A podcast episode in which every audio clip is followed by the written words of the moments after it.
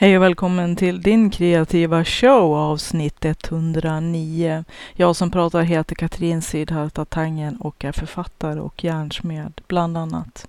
Idag tänkte jag prata om det här med vanor, rutiner och saker som vi gör varje dag. På gott och ont.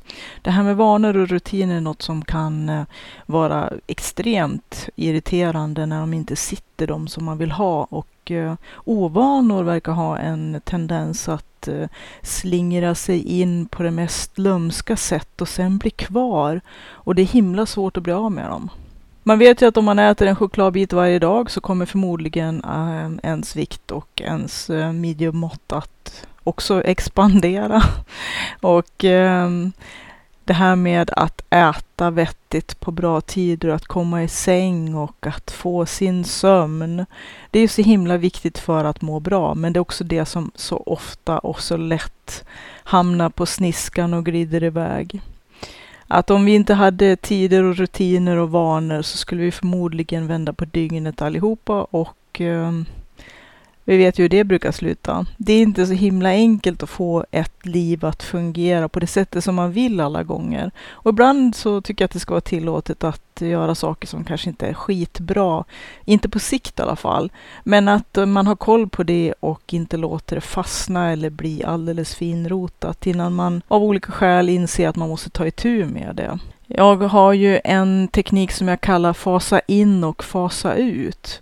Och den eh, knyter väl lite grann an till det som jag pratade om i tidigare avsnitt här med att eh, köra med lite stacking. Att eh, stacka ihop saker som hör ihop med varandra i lite olika sammanhang. Men att det här fasa in och fasa ut är väl någon typ av tidig form av stacking som jag använder mig utav och som jag fortfarande använder mig utav. Och det har mera med eh, vanor och ovanor och rutiner och sånt som jag vill ska antingen tas bort eller sättas in och helst bli kvar. Och det är det här som är så himla svårt. Goda vanor är svåra att etablera och eh, dåliga vanor ormas in hur lätt som helst och blir kvar jättelätt. Och vi har ju alla våra små guilty pleasures, sådana här saker som vi har en tendens att vara lite svaga för och eh, rätt så lätt kunna ramla in i tidigare kanske brutna ovanor och sånt som vi har gjort upp med. Men att det är väldigt lätt att trilla tillbaka in i dem igen när man känner att man behöver lite tröst eller man känner sig lite trött eller man just nu inte orkar vara den här jättebra människan som man egentligen innerst inne vet att man mår mycket bättre av att vara. Och som sagt, ibland så tycker jag att det ska vara okej okay att faktiskt få fuska lite, ha sina små secret pleasures. Kanske för att man kanske behöver det som en belöning också ibland. Bara man håller i schack och inom rimliga gränser och att det inte är för destruktiva saker. Eller att man låter dem återetablera sig eller etablera sig fördjupa sig och bli kvar som en ovana man sen får svårt att sluta med. Vissa saker är lättare att eh, sluta med andra saker är mycket svårare. Personligen så har jag aldrig tagit ett enda bloss och inte tagit ens testat snus. Men jag tror att eh, vi har ju alla som sagt våra små svagheter, våra små akilleshälar, sånt där som vi vet att det här är det lätt att jag fastnar på. Det här är lätt att jag så himla enkelt blir fast i och att det Antingen blir det en ny ovana som ersätter en gammal eller att det är en som återetablerar sig. Vi har ju som sagt alla våra små svagheter och böjelser. Alla behöver ju inte vara negativa eller dåliga för den delen heller och i lagom mängd så är det mesta ganska okej. Okay. Det är som man säger, för mycket och för lite skämmer det mesta. Jag tror inte på att man ska försöka vara totalt, eh, jag är ingen renlevnadsmänniska eller ängel själv. Så att eh, jag tycker att man behöver inte lastas eller belastas för att man är människa eller är mänsklig. Men vissa saker känner man ju själv är sånt där som är väldigt mycket i vägen och eh, sabbar en hel del för en. Och, eller som bara är irriterande eller kostar mycket pengar eller som man tycker är onödigt helt enkelt. Om det belastar hälsan eller om det kanske belastar ens eh, tid eller ens ork och ens relationer, ens ekonomi, då kan det ju vara läge att lägga av med någonting. Men jag tror att det också är viktigt att uh, göra saker i små steg, inte så små att det, man inte kommer någonstans eller att man lurar sig att man jobbar med någonting fast man inte gör det egentligen utan man låtsas att man gör det. Det är någon slags prokrastineringsteknik det också. Att ja, jo, ja, men jag håller ju på med det, jag ska ju, jag är ju nästan på väg, men det kanske bara är ett sätt att lura sig att man faktiskt uh, inte egentligen på riktigt jobba med problemet. Men det här med att eh, fasa in och fasa ut ett sätt som jag blev lite inspirerad utav en eh, kille. Det är en podd som jag lyssnar, tre killar som skriver böcker ihop, så det är inte alls relaterat riktigt till, inte exakt till det här ämnet för dagens podd. Men det är tre killar i alla fall som skriver böcker ihop och eh, han, en av killarna, berättade att han hade kommit underfund med att det är så himla mycket svårare att sluta med en ovana än att faktiskt börja med en god vana. Och att han eh, kom underfund med att genom att eh, införa en god vana så kunde han eh, ersätta en dålig vana med den här goda vanan. Och det kanske låter lite grann som en utopi och eh, jag kan hålla med honom om första delen just det här med att eh, det är väldigt svårt att få bort en ovana. För de är som sagt otroligt lömska på det sättet att de är så lätta att etablera och de biter sig fast så himla snabbt och så himla djupt. Och eh, det är ju också att det i grunden beror på att det man fastnar på en ovana är ju oftast någonting som är ens lilla akilleshäl. Att det är någonting som eh, tilltalar en tillräckligt mycket eller som på något vis spelar med några utav ens sidor som man kanske inte egentligen är så hjälpt av. Och att det, det är väldigt svårt att eh, bli kvitt dem. Så han hade slutat försöka bli kvitt dem aktivt. Jag vet inte hur effektivt det är, men att eh, den här delen med att ersätta med en god vana på det viset att genom att fasa in någonting som är bra så kan man tränga ut någonting annat som man kanske vill bli av med. Och det här fasa in och fasa ut, det är lite grann det som jag har gjort, fast på mitt sätt. Och eh, för att ta ett eh, dåligt exempel kanske, så hade jag för vana att äta en viss sorts eh, godis för att jag märkte att den fick min mage att må bra, nämligen lakrits. Och det var inte så himla bra i längden att äta lakrits bara för att magen skulle sköta sig. Och jag hittade inget annat sätt att kunna ersätta lakrits med som skulle vara nyttigare och som skulle fungera på samma sätt. Nu är ju lakrits inte jättebra ur en massa andra synvinklar heller eftersom att lakrits, nu åt jag inga exceptionellt stora mängder, men lakrits i lite större mängder eller om man råkar ha problem med blodtrycket så kan det faktiskt vara rent av farligt. Det finns ju en del som har smält i sig lite större mängder med lakrits och kolavippen av det. Så lakrits är inte jätteokej om man ska äta det varje dag med tanke på dels, det är ju trots allt något som sätter igång eh, blodsockret och man får eh, kanske också mm, problem med vikten om man ska trycka i sig sånt som är godis egentligen på daglig basis. Samtidigt som det här med blodtrycket inte är jättekul och eftersom att jag älskar lakrits så är det en extra liten fara också att eh, det är lätt att äta lite för mycket utav. Och eh, så då letade jag aktivt efter livsmedel för att ersätta lakrits med. Och det här är ju kanske ett jättekonstigt exempel och jag kan verkligen inte rekommendera lakrits. Men nu funkar det för min mage, konstigt nog. Och jag vet inte om det är så för andra. Det ska ju vara milt laxerande. Och det är ganska mycket som är milt laxerande, men de saker som jag testade som skulle vara det funkade inte för mig riktigt. Och det här har ju också att göra med eh, den typen av olika större ingrepp som jag har blivit eh, tvungen att genomgå i och med eh, tidigare sjukdomar och sådär som jag har berättat om. Till slut i alla fall så har jag hittat någonting som fungerar och det är eh, fi fiberhusk som eh, jag strör på, på yoghurten och Eh, kräver en hel del vatten som man måste dricka samtidigt. Det går ju också att använda granulat som är en typ av eh, också sånt som, som gör att man får samma effekt som fibrer. Men jag tycker att det känns som kanske det bästa att hitta ett så naturligt sätt som möjligt för att få kroppen att fungera bra. Man vet ju att det här med fibrer och vatten och att röra på sig är bra för magen och jag har försökt att använda de sakerna aktivt men inte sett några resultat förrän jag började med det här granulatet. och eh, hittade fi fiberhusk också. Som jag tycker att magen känns som att eh, den blir mycket lugnare utav och eh, på det viset att man inte får så mycket. Eh, jag har ju inga problem med magkatarr, men som jag kan tänka mig att de som har magkatarr, att just det här att man, man vet att man inte är hungrig, men att det liksom som svider, suger i magen på ett jättekonstigt sätt ibland, så att man vet att man måste äta någonting torrt för att uh, få stopp på.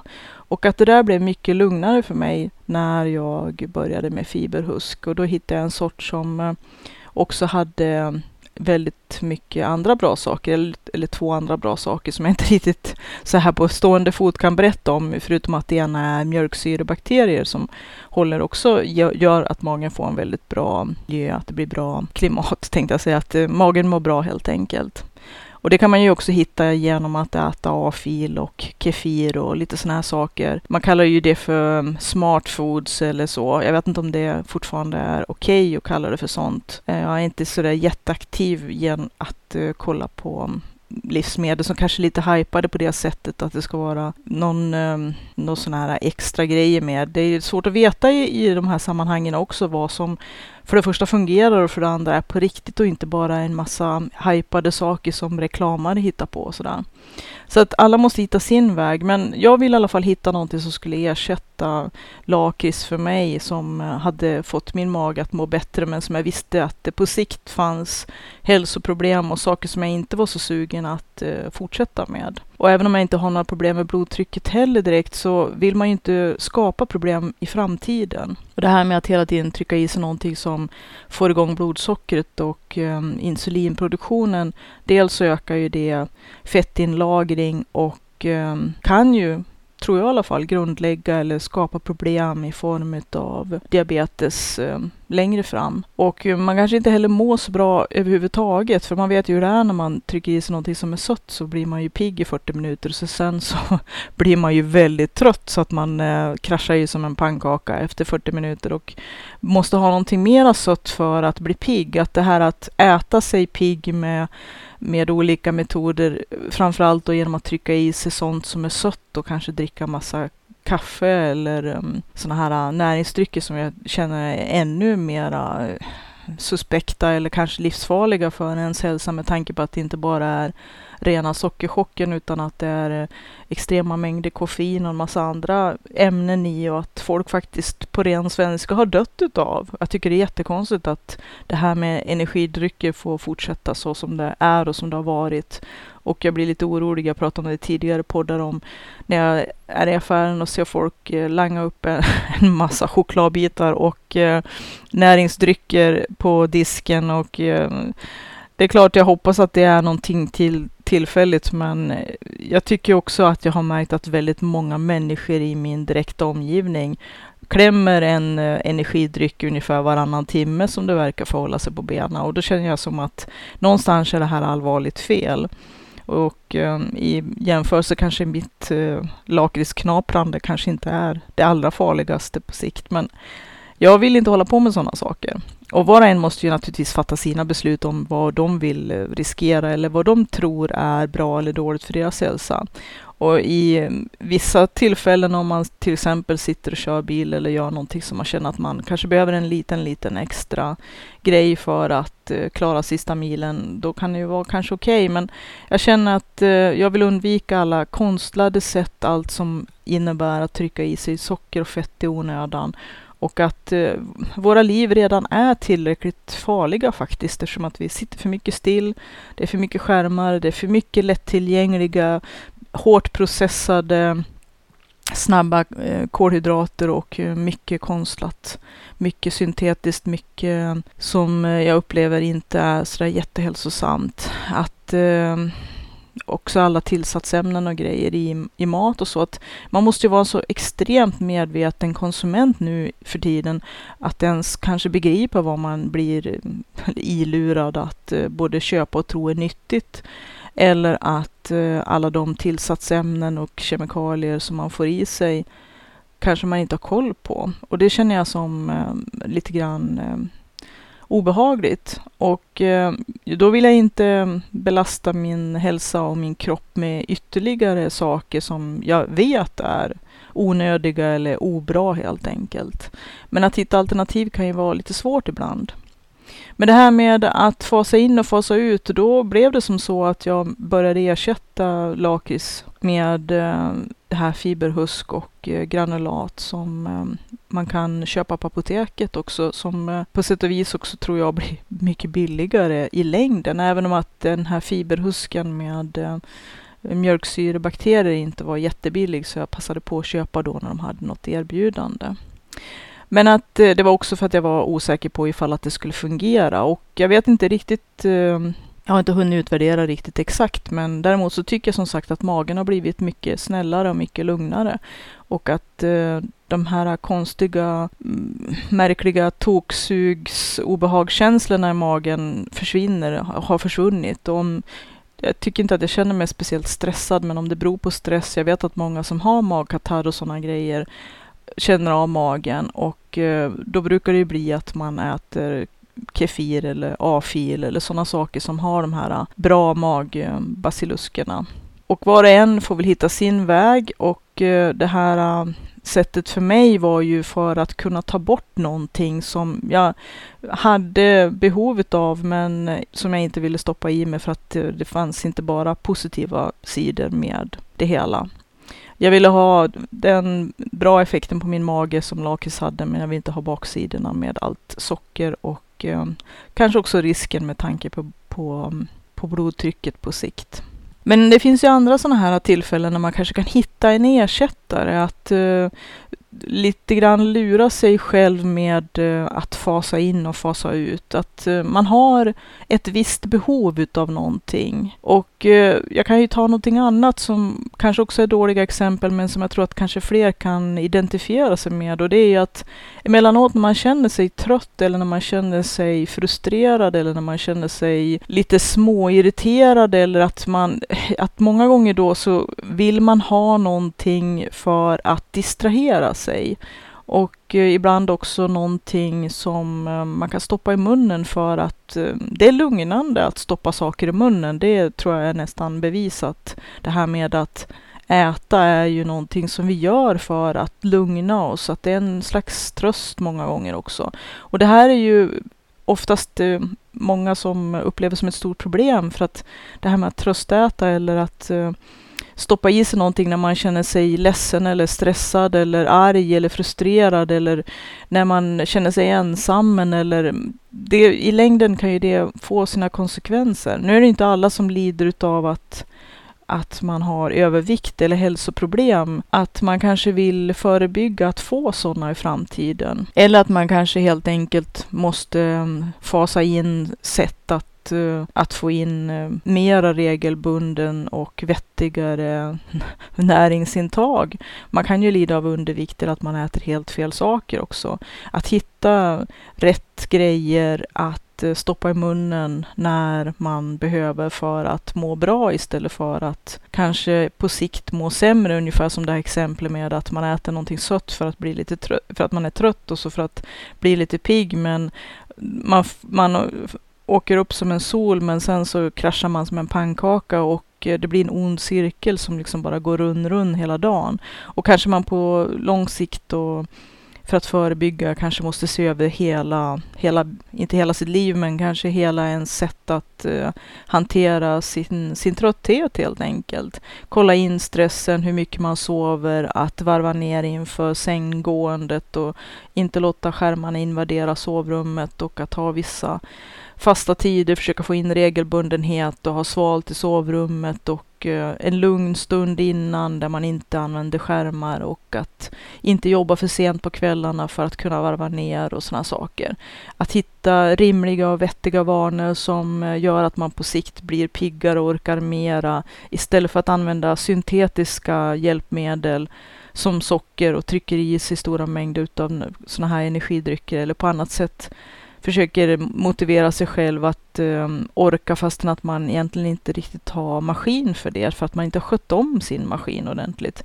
För man tänker, man skulle aldrig hälla, hälla vad som helst i bilen som bränsle, men när det gäller våra kroppar så kan vi ju trycka i våra kroppar nästan vad som helst ibland och uh, tror dessutom att vi ska må bra, fungera bra i alla fall och det funkar ju inte riktigt. Men uh, för att återgå till exemplet så om man känner att man får en eh, viss eh, vana att vilja ha någonting. Jag brukar kalla det för att man vill ha någonting.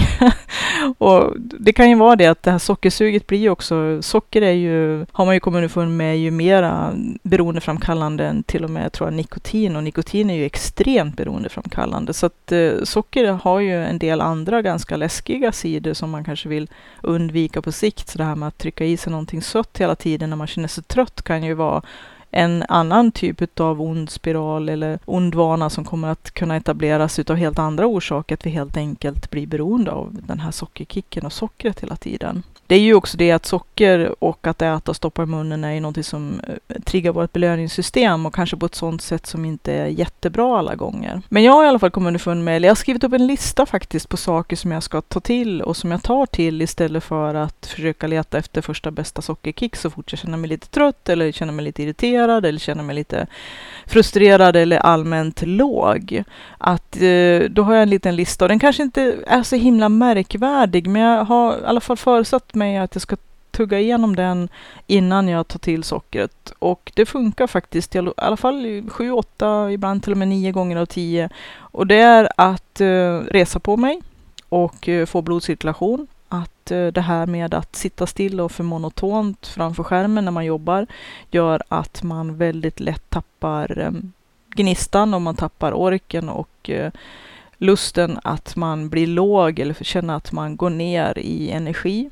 Så att, att eh, resa på sig och gå ett varv runt om, eller det kan ju vara någonting enkelt också att hämta någonting, att göra någonting helt kort, göra sitt ärende för att få igång blodcirkulationen och få byta kroppsställning och eh, få blodet att cirkulera upp i hjärnan igen. Det funkar ganska bra faktiskt. Jag tror att man till och med egentligen, vilket jag inte gör än, men som jag kanske skulle göra, sätta en timer när man eh, ska hoppa upp ifrån eh, sin stol när man sitter oftast lite för länge och arbetar. För jag är en sån person som när jag är inne i mina perioder så då sträckjobbar jag och det är kanske inte det superbästaste egentligen för hälsan och måendet eller för energinivåerna.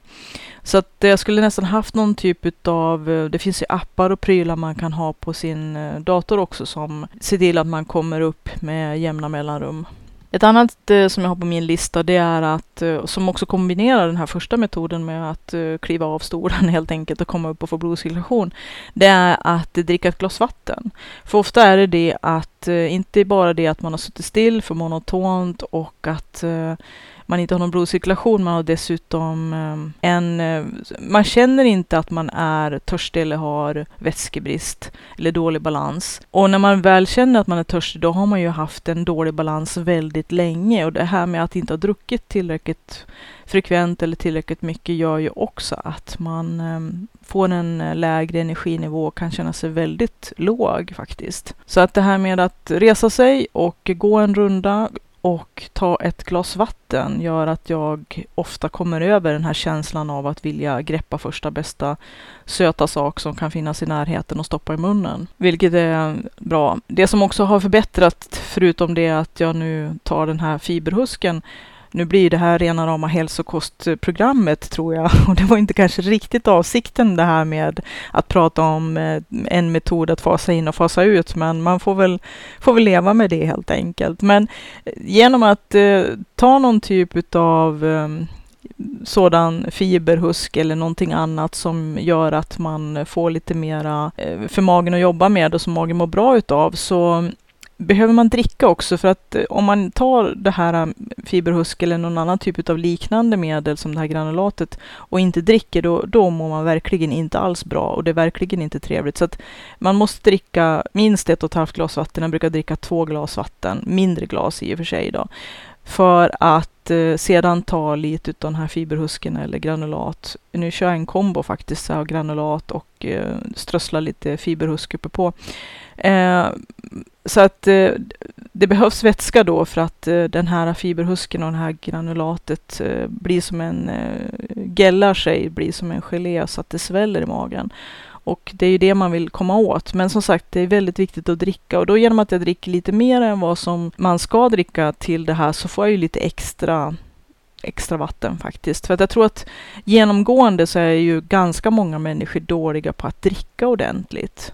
Sen finns det ju då den extrema ytterkanten åt andra håll istället. En del som springer och små snuttar ur en flaska precis hela tiden. Och, jag tror att det kan absolut vara bra att ha en flaska eller en viss uppmätt mängd. Så gjorde jag när jag jobbade på på ett eh, ställe där jag hade med mig alltid lite vatten hemifrån eftersom att vattnet hemma var mycket bättre är mycket bättre också. Så, och blandade i en eh, tesked eh, äppelcidervinäger också faktiskt. Men att genom att ha en viss uppmätt mängd i en flaska och ett glas på skrivbordet så såg jag ju till att hela tiden dricka det som jag hade med mig. Och då när man har det framför sig på det sättet, man brukar ju säga på engelska out of sight, out of mind, att om man inte ser en grej så kommer man inte att tänka på den. Så att jag har ju liksom då utvecklat lite system för att se saker. Och eh, det gör att det är mycket lättare att eh, hålla tag i de här vanorna och eh, få dem regelbundet och göra dem varje dag. Som man känner att man mår bra utav och verkligen vill ha. Att eh, genomföra någonting man verkligen inte egentligen i grunden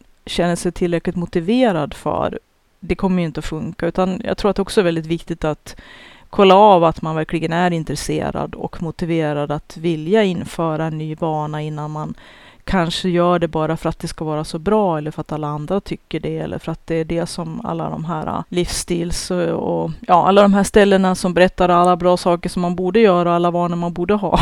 Jag vet inte. Vi har ju alla våra influenser från olika håll. Det kan ju vara från tidningar, det kan ju vara från nätet eller vad som helst. Och eh, vi tycker att allting låter och ser väldigt bra ut och vi vill vara som dem. Men att i, till syvende och sist så kommer det till den egna motivationen. Vill jag verkligen här och kommer jag verkligen att genomföra det? Och eh, men om man nu har den motivationen så är det bra att se till att ha det framför ögonen hela tiden.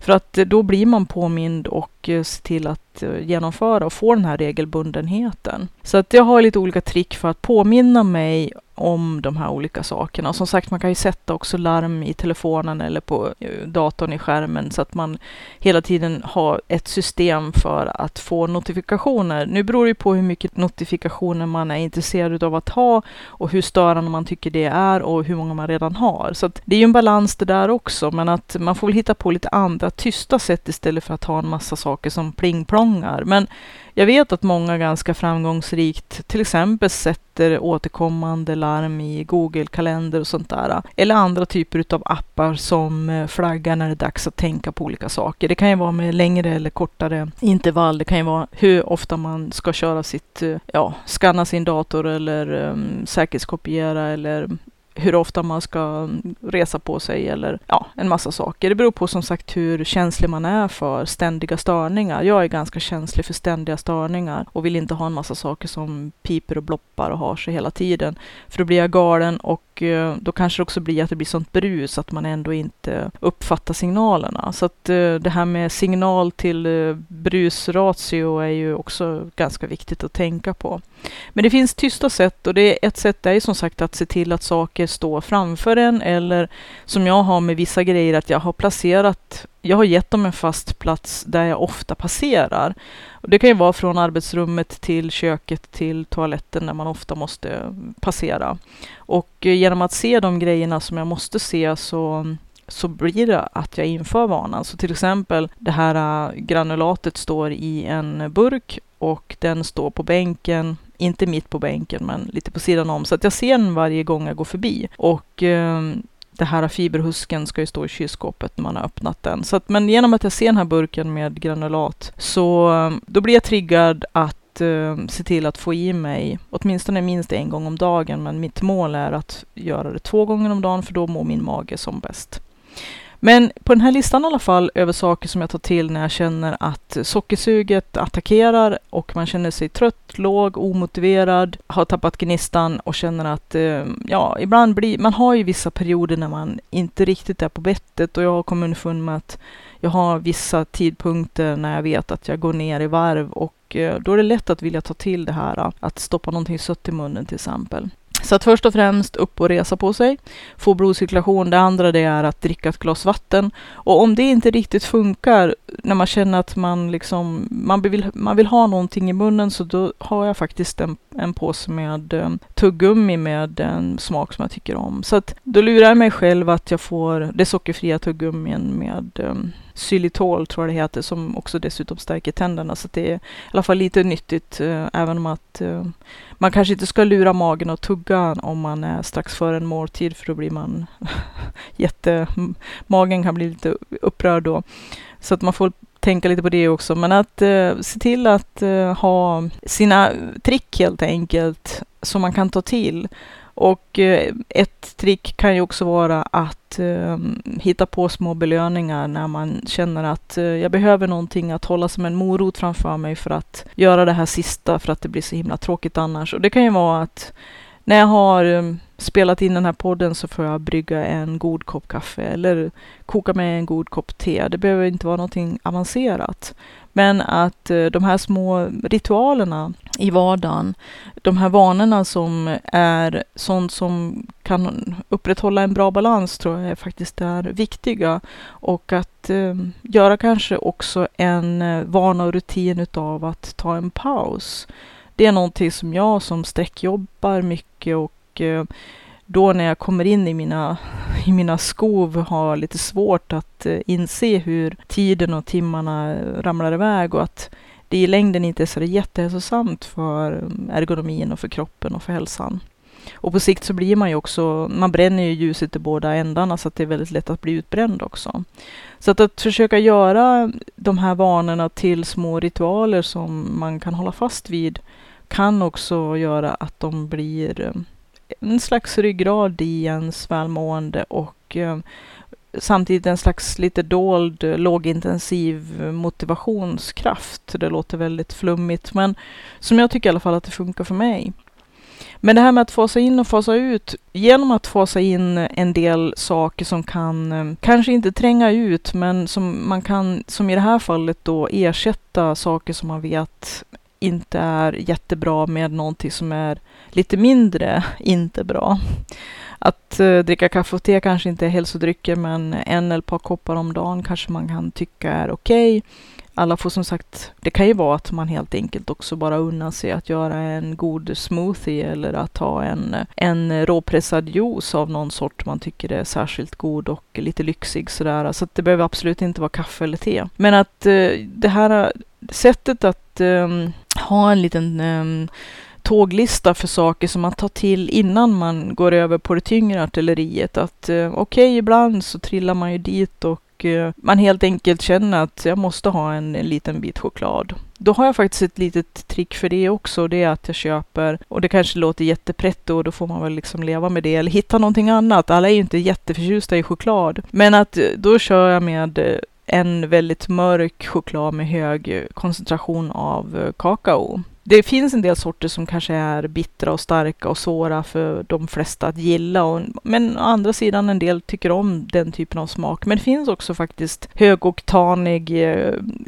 innehåll utav eh, kakao i en del bitar som faktiskt är eh, fullt okej okay att äta. Som, eh, och det som är bra med dem är att de är väldigt kraftfulla och att man behöver bara en bit och att man är ganska nöjd med det. Så att eh, min lista ser alltså ut så här. Upp och röra på sig Steg ett. Steg två, dricka ett glas vatten. Steg tre, kanske ett tuggummi ifall att man inte riktigt känner sig nöjd med ett glas vatten. Och eh, nummer fyra, se till att väva in kanske en paus här och där på strategiska ställen med kaffe eller te eller någon juice eller någonting annat som gör att man känner sig lite, man blir lite pigg utav att ha någon som kanske är obetydlig men ändå en viss typ av uppmuntran som man har hittat på för sig själv. Och eh, i sista fallet då när ingenting annat verkar hjälpa så tar jag en liten ruta med mörk choklad. Och det kan ju vara lite grann på lyxkontot. Och det är inte varje dag som, som jag behöver ta till det. Men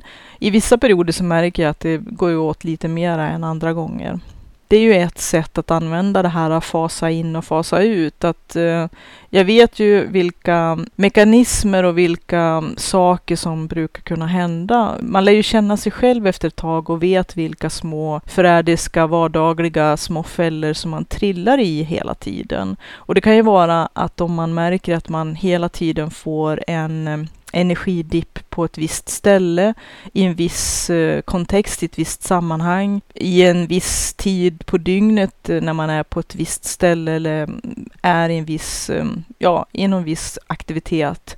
Att man kan hitta en eh, motkraft till det. Att fasa ut att det blir lätt att typ springa till den här lilla godisautomaten och plocka ut en eh, chokladbit där. Om man vet att det här är något som händer varenda gång på torsdagarna när jag är i det här sammanhanget och jag får en energidipp alltid ungefär den här tiden eller den här dagen eller i det här sammanhanget. Att ha med sig då någonting som kanske är lite ett bättre alternativ i, i sin ryggsäck eller handväska eller vad man nu har för någonting. Insidan av jackfickan och eh, vad det är för någonting kan ju vara vad som helst. Och igen kommer man tillbaka till vad funkar för mig och eh, hur påläst är jag och vilka krav har jag på det som jag tycker är ett bättre alternativ. Så att jag tänker inte ge några råd om det, men jag kan tänka att det kan finnas en hel del, kanske vettiga energibars eller sånt. Jag har gjort egna sådana för jag tyckte att de flesta energibars inte var så himla okej okay för mig. Dels var de inte goda och ganska dyra uppriktigt sagt faktiskt. Men det finns ju också grader i helvetet som man brukar säga, så att allting är ju också eh, relativt. Så att det, man får ju väga olika alternativ mot varandra. Vad är mindre bra? Vad är mindre dåligt? Och eh, som man brukar säga, man får välja det som är det minst onda och sådana saker. Men att eh, det kanske också kan kännas som tråkigt att hela tiden måste rusa till antingen godishyllan eller till den här energibarhyllan om det är på mm, hälsokost eller apoteket eller om det är i livsmedelsbutiken och köpa en jättedyr energibar för en 20, oftast 30 spänn eller mera. Som jag också är lite jalur på hur innehållet egentligen, hur bra det egentligen är och hur mycket dynga man egentligen betalar för. Uppriktigt sagt att eh, man ska vara ganska upplyst och insatt för att ibland kunna tolka innehållsetiketterna och alla tillsatser och alla kemikalier och allt elände som de stoppar i. Jag gjorde egna energibaser och, eh, skramlade ihop lite olika recept på nätet faktiskt. Och så gjorde jag en egen kombo och eh, det var faktiskt ganska enkelt att göra. Och då kunde jag smacka i så mycket av just precis de saker som jag själv ville ha och eh, med den typen av näringsinnehåll som jag ville ha. Och det blev en hel massa utav dem faktiskt. Jag gjorde ett ganska så stort eget recept, men en sån här eh, plåt eller en sån här eh, djupare form som man brukar göra tjockpannkaka i som jag gjorde egna näringsbars. Det finns ju färdiga recept också så man behöver ju bara hugga något av de som finns faktiskt. Men eftersom att jag är lite sådär äh, halvjobbig så vill jag ju ha en egen kombo utav saker som jag tyckte passade för mina energibars. Och eh, som min man och min son tyckte att de var mycket godare än de här man köper som inte de heller tyckte var ätliga rent ut sagt faktiskt inte. Utan de här som jag gjorde faktiskt smakade bra dessutom och då vet man vad det är för innehåll att de var faktiskt väldigt, eh, att det var bra bra näringsinnehåll, att det var vettiga saker i och att det var riktiga råvaror, inte några kemikalier och massa skit. Eller obestämbara eller oidentifierbara eller omöjliga att eh, veta någonting om tillsatser som det ofta är. Och eh, sen frös jag in dem så att eh, genom att eh, skära upp dem i lämpliga bitar och sen styckefrysa dem och så hade jag dem i en lite större plastbytta. Så faktiskt så kunde vem som helst när som helst ta en näringsbar när de kände att de behövde. Och de räckte faktiskt väldigt, väldigt länge fastän att de också dessutom var bra mycket godare än de som är i affären. Det som kan vara nackdelen om man gör egna näringsbar, så här får man väl kanske vara lite försiktig kanske. Jag vet inte, det beror på vad man är för typ av person och vad man har för typ av hushåll. Men att man kanske inte gör dem alldeles för godiga eller, eller alldeles för mycket likt en god sak så att det blir att man kanske äter dem som eh, snask eller som eh, istället för en chokladbit. Men att de ändå ska fortfarande vara, tycker jag, vettigt eh, lämpliga att vilja äta överhuvudtaget och att de då också framförallt innehåller de nyttiga saker som man vill ha och att man då har koll på innehållet. Nu tänker jag faktiskt göra ett, ett nytt storkok tänkte jag säga utav sådana här näringsbars eftersom att sonen väldigt ofta dippar på sena eftermiddagar. Att det blir ganska långa dagar innan man kommer hem från jobbet och sådär för att eh, han tränar efteråt och eh, ofta är det en del ärenden och det ska handlas och sådana saker. Så att Eftersom han dessutom är två meter lång och är snart 16 bast så drar han en hel del bränsle kan jag säga. Så att eh, han är och har alltid varit en sån som drar ganska mycket och eh, nu ännu mycket mera. Han är i den åldern så att han är ju helt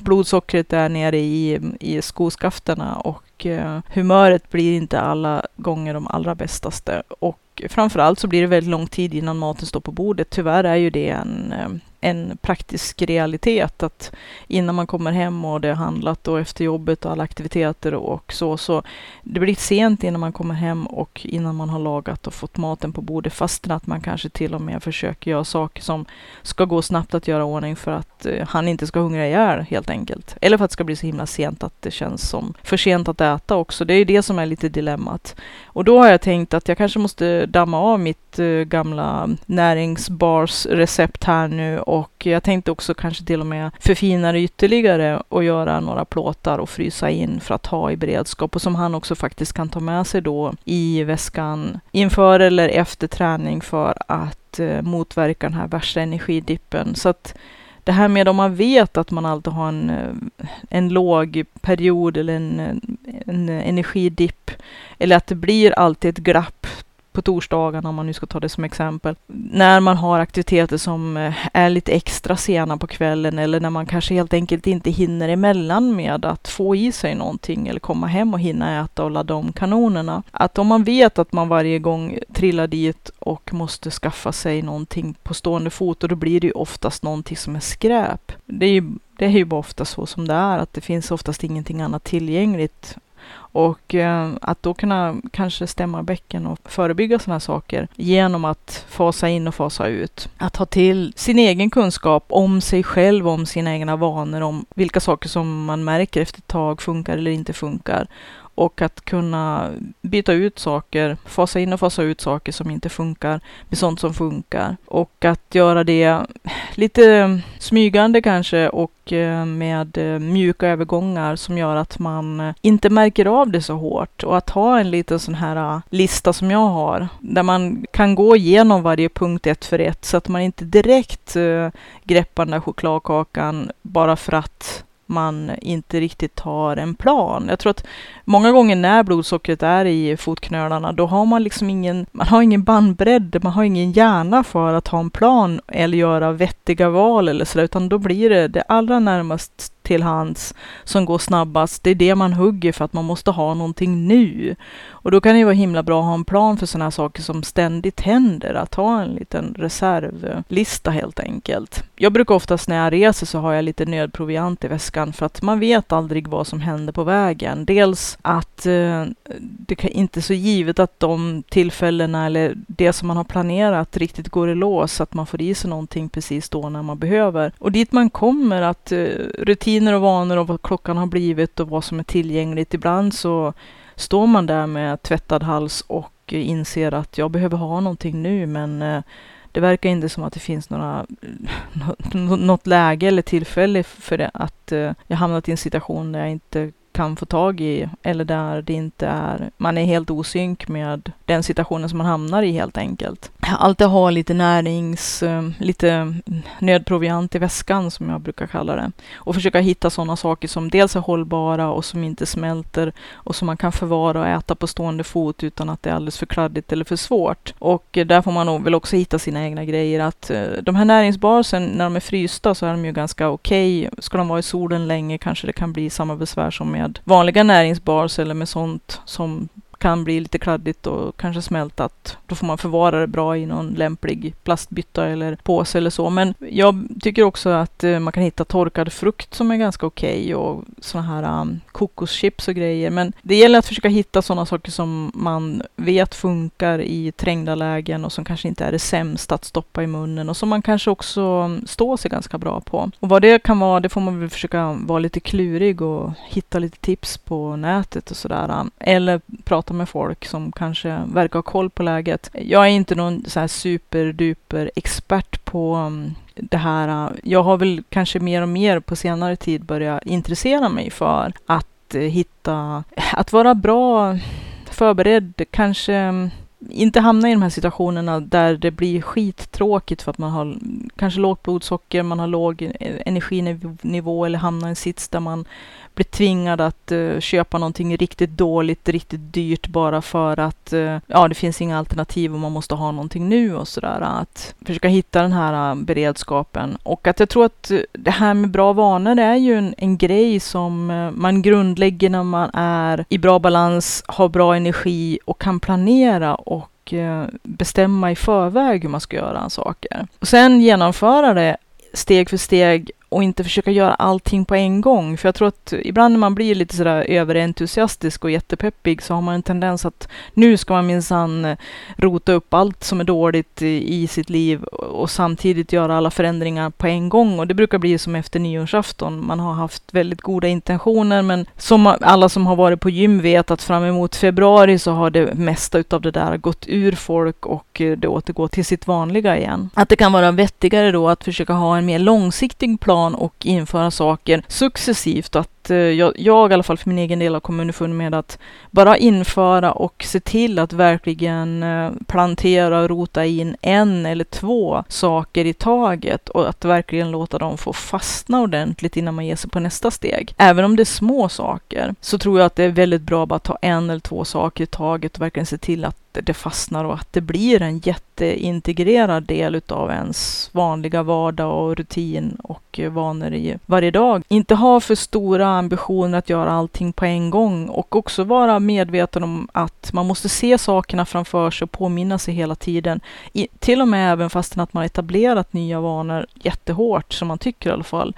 Att så fort som det här engelska, som jag sa tidigare här, uh, out of sight, out of mind, så fort man inte ser det, då faller det bort. I alla fall funkar det så för mig. Och att det här med att etablera och verkligen rota vanor tar mycket längre tid än vad vi tror. Nu brukar det rent populärt sägas att det tar 21 dagar att eh, införa en ny vana. Och kanske att införa en ny vana kanske man kan göra på 21 dagar. Men för de allra flesta att få en vana att verkligen rota sig och bli fast och bli kvar på riktigt. Och, och framförallt om det ska tränga bort någonting som är mycket mer lättillgängligt, mycket mer lättillgängligt och oftast mycket sämre. De här ovanorna framförallt, då krävs det bra mycket mera för de allra flesta. Jag läste en undersökning där man hade testat det här och eh, det var väldigt stort spann på olika människor. Det är klart, jag tror att det beror dels på vad man är för människa, vad man lever för liv, vad man är för fas just nu och eh, vad det är för typ av vana man ska försöka etablera. Ehm, så att eh, man kanske inte kan säga eh, generellt att så här är det, men man kom i alla fall underfund med i den här undersökningen att för en eh, stor, man tog en flock med folk och testade det här, så minsta tiden som det tog att etablera en ny vana var 18 dagar. Men för den som det tog mest tid för så tog det eh, nästan ett helt år. Så att vi är väldigt olika som personer och eh, hur eh, vi fungerar, hur vi är, tror jag framförallt hur vi är kopplade hårdvarumässigt, hur vi är kodade och hur våra liv och våra personligheter är. Så att och jag tror också att det är väldigt viktigt igen det här med att lära känna sig själv för att förstå hur man fungerar och varför och eh, anpassa sina sätt att eh, införa bättre saker, att fasa in och fasa ut grejer utifrån den kunskapen och insikten i sig själv som man har eller som man skaffar sig. Så att man inte försöker göra som alla andra och tro att det ska funka för att det funkar för alla andra, för att det är inte säkert att det gör det att vi måste hitta våra egna små trick och, och knep för att hacka runt just vår egen hjärna och eh, uh, vårt eget liv. Våra egna små lifehacks helt enkelt. Och att de kan kanske behöva modifieras lite grann gentemot hur andra gör och som kanske också ser mycket lättare ut och att vi kanske igen då, man måste titta tillbaka på det här med att det är lätt att se andras fasader och tro att det är någonting som var så himla enkelt och infördes över natten. Men att eh, i praktiken kanske de antingen har slitit hårt som sjutton med det här, att det har tagit väldigt lång tid, att de haft väldigt medvetna strategier, lärt känna sig själv och haft bra plan och varit väldigt motiverade. Eller om man ska vara krasst rätt och slätt kanske bara har en fasad som ser väldigt fin ut och som vi kan känna oss lite, kanske både mm, lockade och lite mm, mindre lockad utav för att eh, den kanske känns lite för peppig och kanske lite för, ja, lite för insta-ready. Att det är för mycket yta och för mycket glans och för mycket glamour och kanske för mycket fasad. Att vårt eget liv liksom inte riktigt märks på alla de här glittriga och glansiga sidorna som vi ser på sociala medier och som andra kanske visar upp. De visar upp resultatet, de visar inte upp arbetet och jag vet inte, kanske inte resultatet alltid är så ärligt heller. Och det är ju, tycker jag, inte någon ursäkt för att eh, skita i alltihopa, utan men att ha en mer realistisk syn på saker och ting och kanske också med en nypa salt. Men att förstå att bakom kulisserna, aldrig hur vackra de är, så om det är på riktigt så har det ju kostat en hel del jobb och att Eh, man måste vara ganska engagerad och motiverad och verkligen vilja det. Inte bara önska sig bara för att det ser snyggt ut på bild. Så att eh, lära känna sig själv och veta vilka saker man faktiskt på riktigt prioriterar och behöver tror jag är grundstenen också för att kunna motivera sig att genomföra ett, en förändring på lång sikt och att det blir en förändring som blir kvar. Sen får man ju inte vara främmande för att man kanske mod måste modifiera och ändra efter vägen också man märker att någonting inte funkar eller kanske inte var så bra som man först trodde och sådär. Att inte låsa fast sig vid eh, sin första tänkta eller uttänkta lösning eller som man tror att alla andra gör för att det ska vara så himla bra. Märker man att det inte är bra för en själv så kanske man måste hitta ett helt annat sätt eller en helt annan metod eller kanske någonting helt annat som man måste genomföra istället för att uppnå det resultatet som man innerst inne vill ha. För mig var det i alla fall viktigt att inte eh, rutinmässigt trycka i mig alldeles för mycket sött och att uh, försöka bryta bort eh, de här personliga egenheterna som gör att det är lätt att hamna i mindre hälsosamma vanor som kanske på sikt inte kommer att arbeta för en. Att det här med att stoppa i sig någonting sött för att man känner sig låg, energinivån är låg och sådär på sikt så vet man ju var det brukar sluta någonstans och att man kanske måste jobba med problemet från något annat håll helt enkelt. Och att nödlösningar är nödlösningar. Det får inte bli en del utav ens vardag. Att, Ehm, som jag kan känna ibland att det är okej okay, och som jag började det här avsnittet med. Det är okej okay att ibland, om man nu vill kalla det för fuska lite grann eller kanske ta till saker som man annars normalt inte gör. Men det är när man gör det hela tiden och kanske till och med försöker lura sig själv att tro att det bara är nu och det är bara inte något som jag gör annars eller sådär. Men att om burkarna med energidryck börjar stapla upp så att man, man kanske ska titta över sitt konto. De är ganska dyra de där burkarna också, så att om man trycker i sig ett par stycken sådana om dagen så gör det ett ganska stort hål i plånboken och att eh, ja, man kanske måste ta det för vad det är värt och sådär. Nu, som sagt, jag själv aktar mig noga med för dem där, för jag tycker de verkar ganska läskiga överhuvudtaget. Men alla får ju naturligtvis göra sin egen riskbedömning och kanske tycka att jag är eh, farmor Anka som är jätteorolig nu och sådär. Och var och en måste hitta sitt sätt. Men att man kanske också måste vara lite, mm, vad ska man säga, skeptisk emot Eh, sig själv också. Att ifrågasätta lite grann. Inte bara eh, köpa allt det man kanske försöker lura i sig själv. Att, för det är väldigt lätt också att eh, glömma bort um, snabbt.